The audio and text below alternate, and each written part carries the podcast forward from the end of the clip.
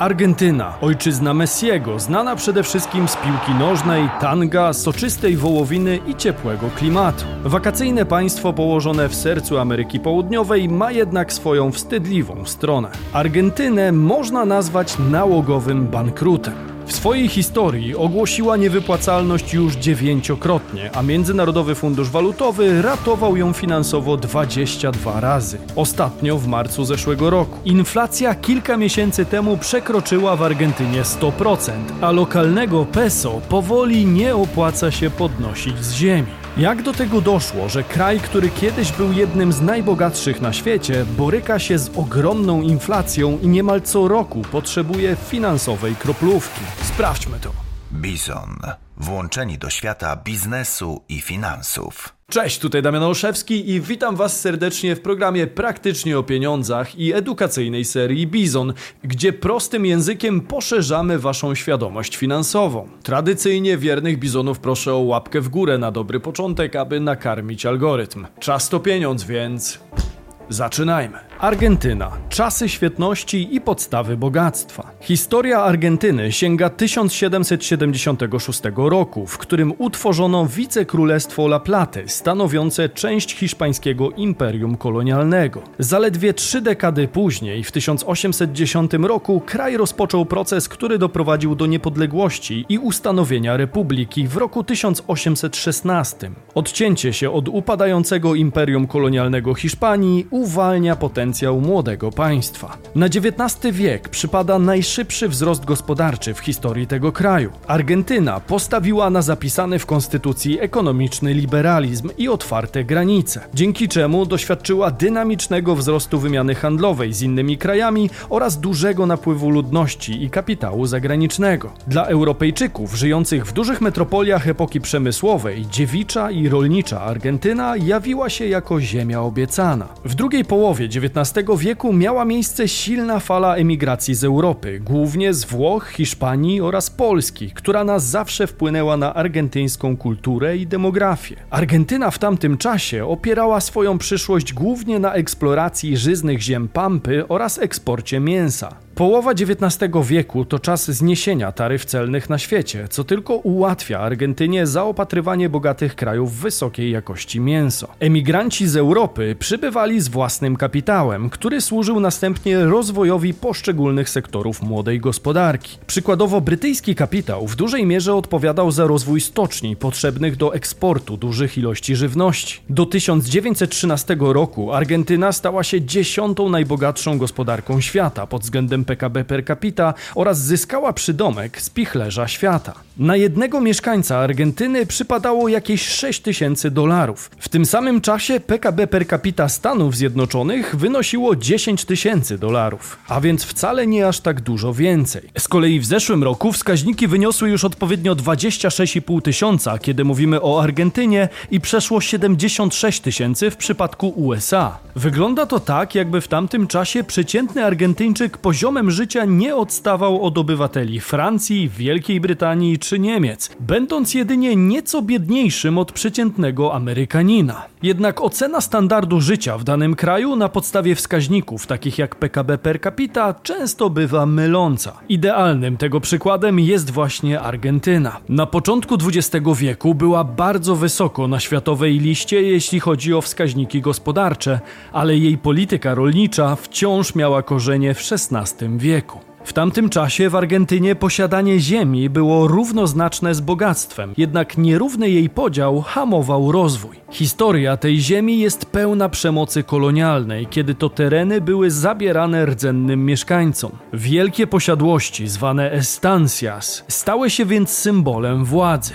Po utracie kontroli nad krajem przez Hiszpanię w 1808 roku, miejscowa elita ziemiańska przejęła władzę, maskując swoją dominację pod płaszczem demokracji. Tak właśnie narodziła się w Argentynie silna klasa oligarchów, która będzie miała sporo do powiedzenia w kontekście dalszego rozwoju kraju. Skupienie na eksporcie, głównie do Wielkiej Brytanii, hamowało rozwój przemysłowy. Argentyńskiej elicie wystarczył komfort życia pochodzący z bogactw ziemi wysyłanych za granicę. Pierwsza wojna światowa silnie wpłynęła na kraj, mimo że Argentyna pozostała neutralna. W ciągu następnych kilkudziesięciu lat Argentyna bogaciła się na światowych konfliktach konfliktach. W wyniku wojen zniszczeniu ulegały duże obszary rolnicze, co windowało jedynie ceny żywności. Dla przykładu, ceny kluczowej dla kraju wołowiny rosły aż do lat 70., by w okolicy 1970 roku osiągnąć 500% ceny z roku 1930.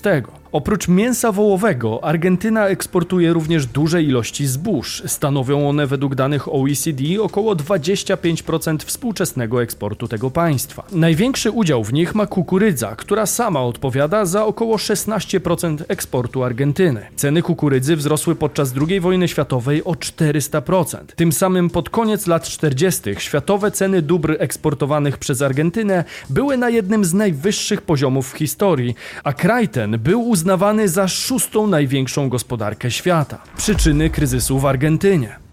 Lata powojenne w Ameryce Południowej były silnie determinowane przez trwającą zimną wojnę. Stany Zjednoczone, obawiając się wzrastającej popularności ruchów socjalistycznych w tym regionie, jak i w Europie, były gotowe wspierać dyktatorów, takich jak na przykład Marcos Pérez Jiménez w Wenezueli. Współpraca dyktatorów i Stanów Zjednoczonych miała na celu zapewnienie bezpieczeństwa wydobycia surowców naturalnych przez firmy z USA w zamian za wsparcie polityczne i część zysków dla dyktatora. Sytuacja w Argentynie Argentynie była jednak nieco inna. Był to okres pogłębienia się nierówności dochodowych w Ameryce Południowej, co popchnęło wielu reprezentantów klas niższych i średnich w kierunku radykalnych lewicowych ruchów. Rządzący tam od 1946 roku przywódca Juan Domingo Perón był w zasadzie dyktatorem, ale także i zwolennikiem idei państwa opiekuńczego oraz zdecydowanym przeciwnikiem Stanów Zjednoczonych.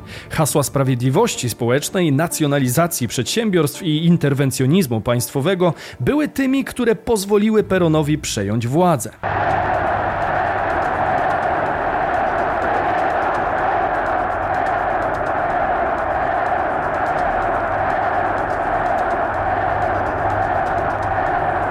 To właśnie za czasów dyktatora Argentyna zapoczątkowała swoją nieodpowiedzialną politykę prowadzącą do wzrostu zadłużenia w obcej walucie. Perón w ramach swojego modelu państwowo-kooperacyjnego postanowił unarodowić argentyńskie koleje w zamian za umorzenie brytyjskiego długu wojennego. Wprowadził także cła na eksport, które miały na celu obniżenie cen żywności na rynku wewnętrznym i zwiększenie dochodów państwa. Argentyna, zachowując neutralność także podczas II wojny została wykluczona z planu Marszala. Dodatkowo była chętna do przedłużenia otwartego zaproszenia dla niemieckich nazistów. To sprawiało, że dolar amerykański zamiast trafiać do Argentyny, był kierowany do Europy. Sytuacja gospodarcza Argentyny stała się więc krytyczna. Przychody z eksportu spadły o jedną trzecią. Rezerwy dolarowe zostały wyczerpane, a produkcja przemysłowa stanęła w miejscu. Bezrobocie rosło, a inflacja sięgnęła już 60%. W obliczu tych wyzwań Peron musiał zmniejszyć wydatki państwa, stymulować eksport i otworzyć się na zagraniczne inwestycje. Dodatkowo pieniądze z emisji obligacji nie były inwestowane w przemysł, tylko służyły do spełniania kolejnych socjalistycznych obietnic, które pozwalały utrzymywać się u władzy kosztem finansów państwa. Koniec władzy generała nastąpił dopiero w 1955 roku w wyniku zamachu stanu, co rozpoczęło trwającą prawie 20 lat wojnę domową w Argentynie. Mimo, że Argentyna powróciła na drogę demokracji w 1958 roku, w 1966 roku kraj znowu doświadczył wojskowego przewrotu. Niepewna sytuacja w kraju spowodowała odpływ kapitału zagranicznego i powolną zapaść dawnej potęgi eksportowej. Prawdziwie ciężkie czasy dla Argentyny nadeszły w 1973, kiedy kryzys naftowy i upadek systemu Bretton Woods przyczyniły się do ogólnoświatowej recesji. Argentyńczycy zmagali się wtedy przede wszystkim z drastycznym spadkiem inwestycji zagranicznych oraz malejącym eksportem produktów rolnych, co przełożyło się na niższą produkcję. W ciągu tych 20 lat Europa zdążyła odpowiednio odbudować i unowocześnić swoje rolnictwo, które zaczęło wypierać niedofinansowane i archaiczne już rolnictwo w Argentynie. W efekcie w 1971 roku Argentyna była już ledwie 31 krajem na świecie pod względem dochodu narodowego na mieszkańca. Bez rolnictwa Argentyna miała niewiele do zaoferowania. W czasie okresu prosperity pieniądze były przejadane na luksusowe dobra oraz import dóbr przemysłowych przemysłowych. Z kolei w latach 70. XX wieku Argentyńczycy dotkliwie odczuli brak inwestycji w przemysł i usługi, które mogły ustabilizować gospodarkę. Kraj znalazł się więc w nieciekawym położeniu, głównie dlatego, że nie inwestował wtedy, kiedy były na to środki. W efekcie, kiedy nadwyżki były przejadane na rzecz władzy i socjalu, konkurencyjność argentyńskiej gospodarki spadała. Nadwyżką trzeba obracać, pieniądz lubi być w ruchu. I o tym w mojej opinii powinien pamiętać zarówno każdy kraj, jak i każdy obywatel. Dlatego sam trzymam się tej zasady, lokując środki w wielu miejscach na kilku kontynentach. Dla przykładu, część z nich znajduje się na amerykańskim indeksie 500 największych spółek, czyli S&P 500, część w nieruchomościach, a inna część w kruszcach i obligacjach. Postawiłem też na poduszkę finansową w euro, która przydaje się, kiedy złoty mocno traci, tak jak to miało miejsce ostatnio. Jak wiecie, zarówno waluty, jak i ETF-y na S&P 500 trzymam u brokera Freedom24. Korzystam z oprocentowanego rachunku walutowego, gdzie codziennie dopisują mi zysk do kapitału i długoterminowych produktów oszczędnościowych ze zwrotem od 4,2 do 6,12% rocznie w euro i dolarze. Zresztą jeszcze lepiej mają nowi klienci dzięki promocji na darmowe akcje, bowiem przy odpowiednim zasileniu konta możecie uzyskać nawet do 20 bonusowych akcji o wartości od 3 do 600 dolarów każda. Zawsze to jakiś przyjemny dodatek na start, który wielu z Was doceniło. Jeśli więc macie euro lub dolary, które nie pracują albo nie chcecie przejadać nadwyżek jak Argentyna, to warto przyjrzeć się ofercie partnera kanału. Znajdziecie ją w opisie filmu i przypiętym komentarzu. Pamiętajcie także, aby w razie zainteresowania użyć właśnie tego linka, bo bez tego nie będziecie kwalifikować się do promocji tylko dla bizonów. Ruchy socjalistyczne i ich wpływ na Argentynę. Dużą popularnością cieszy się opinia, że Argentyna upadła przez ingerencję socjalistów. Istotnie większość badaczy zgadza się co do tego, że rządy lewicowego dyktatora Perona nie przyczyniły się do rozwoju kraju. Bogata polityka socjalna uniemożliwiła transformację z gospodarki eksportującej surowce na gospodarkę opartą o turystykę czy też przemysł. Co gorsza, na początku lat 70. zrezygnowany już naród znów wybiera Perona na przywódcę, witając go niczym zbawcę. Jego powrót nie zakończył się jednak oczekiwanym przez wszystkich sukcesem. Dawnemu dyktatorowi udało się uspokoić sytuację w państwie na zaledwie kilka lat. Po śmierci Perona w 1974 roku władzę przejęła jego żona Izabel. Niemal natychmiast podjęła próbę stabilizacji sytuacji gospodarczej, wprowadzając szereg programów, które niestety okazały się nieskuteczne. W efekcie ceny paliw, transportu oraz usług komunalnych gwałtownie wzrosły. Miało to bezpośredni wpływ na spadek realnych dochodów obywateli, prowadząc do głębokiej recesji oraz hiperinflacji, która sięgnęła prawie 800%. W efekcie w 1976 Argentyna doświadcza kolejnego zawirowania na szczeblach władzy, zakończonego okresem władzy wojskowej junty w latach 1976-1982. To właśnie wtedy Argentyna zaangażowała się w niesławną wojnę o Falklandy, która ostatecznie skompromitowała nieefektywne rządy dyktatury wojskowej. Nowy rząd był wspierany przez oligarchię, dążącą do przywrócenia dominacji rolnictwa w gospodarce narodowej.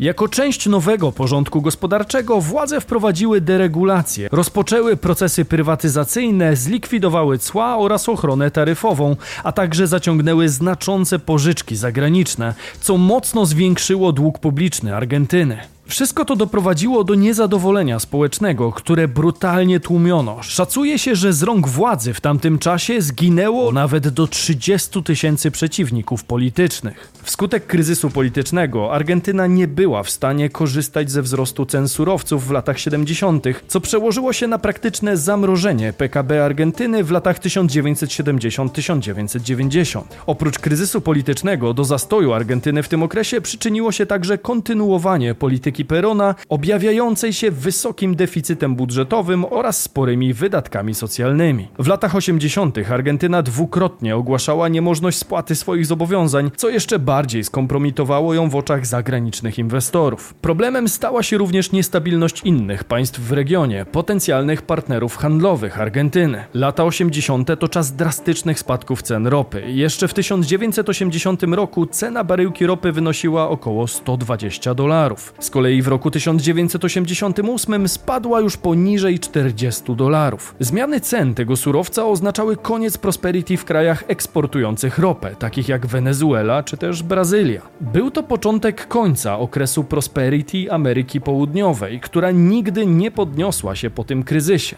Wenezuela poszła w stronę radykalnego socjalizmu pod przywództwem Hugo Chaveza, który ostatecznie doprowadził ten kraj na skraj wydolności, a w Brazylii rozwinęła się silna przestępczość zorganizowana oraz korupcja. Ten problem dotyczy zresztą także Argentyny, która od lat boryka się z korupcją na najwyższych szczeblach władzy. Voy comprando semana por semana porque ya no hago una compra grande y bueno, y lo veo. Y hay cosas que dejo de comprar. Digo, no, esto es imposible que aumente así. No lo compro. Cambio los hábitos eh, o compro ofertas. Potwierdzeniem tego jest fakt, że w 2022 ówczesna wiceprezydent Argentyny Cristina Fernandez została skazana na 6 lat więzienia właśnie za korupcję. Obecna kondycja gospodarki Argentyny. Hunting for bargains, shoppers in Argentina carefully compare prices as the cost of living almost doubled last year. Współcześnie Argentyna zmaga się z wieloma problemami ekonomicznymi. Jednym z nich jest oczywiście bardzo wysoka inflacja, utrzymująca się na poziomie powyżej 40% w ciągu ostatnich pięciu lat. Zresztą w tym roku jest jeszcze gorzej, bo poziom cen w maju 2023 roku był o 114% większy niż rok wcześniej. An economic crisis worsening by the day. Argentina becoming unaffordable for essentially its whole population, suffering 104% annual inflation, according to its official statistics agency. Przyczyny inflacji na takim poziomie można szukać w załamaniu argentyńskiego peso, które powoduje drastyczne wzrosty cen dóbr importowanych. Jeszcze w 2004 roku peso argentyńskie było droższe od polskiego złotego. Mogliśmy je kupić za 1 zł i 30 groszy. Niemniej w tym momencie za 1 złotego możemy kupić ponad 80 argentyńskich peso. Tak ogromny spadek wartości waluty znacząco utrudnia import, ponieważ importerzy kupują produkty za obcą walutę, a potem sprzedają ją za krajową. Ciągła dewaluacja waluty jest oczywiście do pewnego stopnia korzystna dla eksportu, ale jednocześnie bardzo utrudnia import. A pamiętajmy, że Argentyna nie jest krajem samowystarczalnym. Pierwsze inwestycje w przemysł i usługi sięgają lat 90. XX wieku. Wcześniej Argentyna po prostu wszystko importowała. Dodatkowo Argentyna jako jedno z niewielu państw Ameryki Południowej nie posiada wystarczających złóż surowców energetycznych. Tym samym prawie 10% importu tego państwa stanowi ropa i gaz. Brak samowystarczalności gospodarki połączony z kryzysem walutowym tworzy warunki, w których bardzo ciężko wytwarzać dobra w Argentynie. Nie tylko gospodarka realna, ale również finanse Argentyny nie wyglądają najlepiej. Dobrze ilustrują to dane związane z relacją długu publicznego do PKB. Ogromne wahania tego współczynnika, nienaturalne wzrosty oraz spadki pokazują skalę interwencji rządu i Międzynarodowego Funduszu Walutowego w dług publiczny. Do tak wysokiego poziomu długu doprowadziła nierozsądna polityka fiskalna, prowadzona w Argentynie od dekad. Różnice między wpływami podatkowymi a wydatkami rządu od końca wojny regularnie łatano emisją obligacji rządowych. Państwa ogłaszają niewypłacalność, kiedy nie są w stanie spłacać odsetek od swojego zadłużenia. Tak właśnie stało się w roku 2001 w Argentynie. Dwa lata wcześniej borykająca się z problemami gospodarka przyjęła kolejne ciosy: dewaluację brazylijskiego peso oraz stopniowe pogarszanie się konkurencyjności eksportu w warunkach sztywnego kursu walutowego. W latach 90. Argentyna, chcąc ratować swoją gospodarkę, zgodziła się na przyjęcie stałego kursu walutowego w stosunku do dolara. W praktyce oznaczało to, że waluta przestała podlegać wolnorynkowym wahaniom kursu i mogła się w końcu ustabilizować. Taka polityka przyniosła zadawalające skutki w kontekście inflacji, która już na początku lat 90. zmalała do poziomu poniżej 10%. Dla państwa, które ostatnie kilkadziesiąt lat było w stanie ciągłego konfliktu wewnętrznego i zapaści, był to niebywały sukces. Niemniej sztywny kurs walutowy generował również pewne zagrożenia. Utrzymywanie go wymagało ciągłych ingerencji walutowych w rynek. Dodatkowo brak naturalnej deprecjacji waluty mocno osłabiał eksport Argentyny, czyli element PKB, który był podstawą początkowego dobrobytu tego państwa. Gdy na te problemy nałożył się kryzys walutowy jednego z największych partnerów handlowych Argentyny, czyli Brazylii, rząd został zmuszony do przeprowadzenia kolejnej dewaluacji, czyli obniżenia stałego kursu waluty. Pytanie więc, Czy dla Argentyny jest jeszcze nadzieja? Argentyna ma bardzo bogatą tradycję niespłacania swoich długów. Od 1816 roku, czyli roku proklamowania niepodległości od Hiszpanii, Argentyna zbankrutowała już kilkakrotnie. W poważnych problemach finanse kraju znalazły się także latem 2019 roku, kiedy prezydentem był jeszcze Mauricio Macri.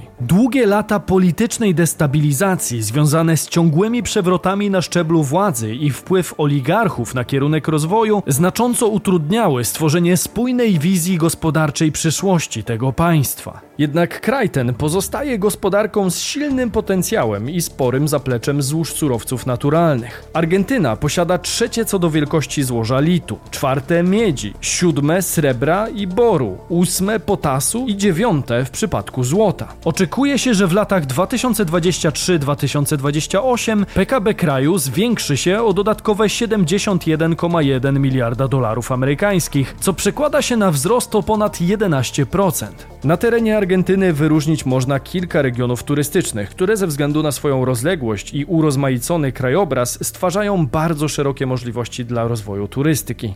Między innymi region północny, region Litoral czy region Buenos Aires i Pampy. Możliwe jest więc przemyślane połączenie rozwoju opartego o przemysł nowych technologii oraz turystykę. Taki model gospodarczy byłby odporniejszy na szoki walutowe i dynamikę światowej wymiany handlowej, co pozwoliłoby Argentynie wreszcie ustabilizować finanse państwa. Ostatnio Argentyna dołączyła także do grupy BRICS, co również może otworzyć nowy rozdział dla tej gospodarki. Na chwilę obecną problemem wydaje się jednak brak woli zmian wśród rządzących krajem. Pytanie więc, jak uważacie, czy Argentynie uda się jeszcze kiedykolwiek wrócić na właściwe tory gospodarcze? Podzielcie się opinią w komentarzu. Jeśli ten materiał był dla Was wartościowy, subskrybujcie kanał na dole. Pamiętajcie, aby skorzystać z oferty partnera Freedom24 dostępnej dla bizonów jedynie po kliknięciu w link w opisie filmu. Wiernych bizonów proszę o hashtag bizon w komentarzu i mam nadzieję, że widzimy się w kolejnych filmach, które widzicie wokół mnie. A jeśli nie, to do zobaczenia jak zwykle w sobotę i niedzielę o 15. Cześć!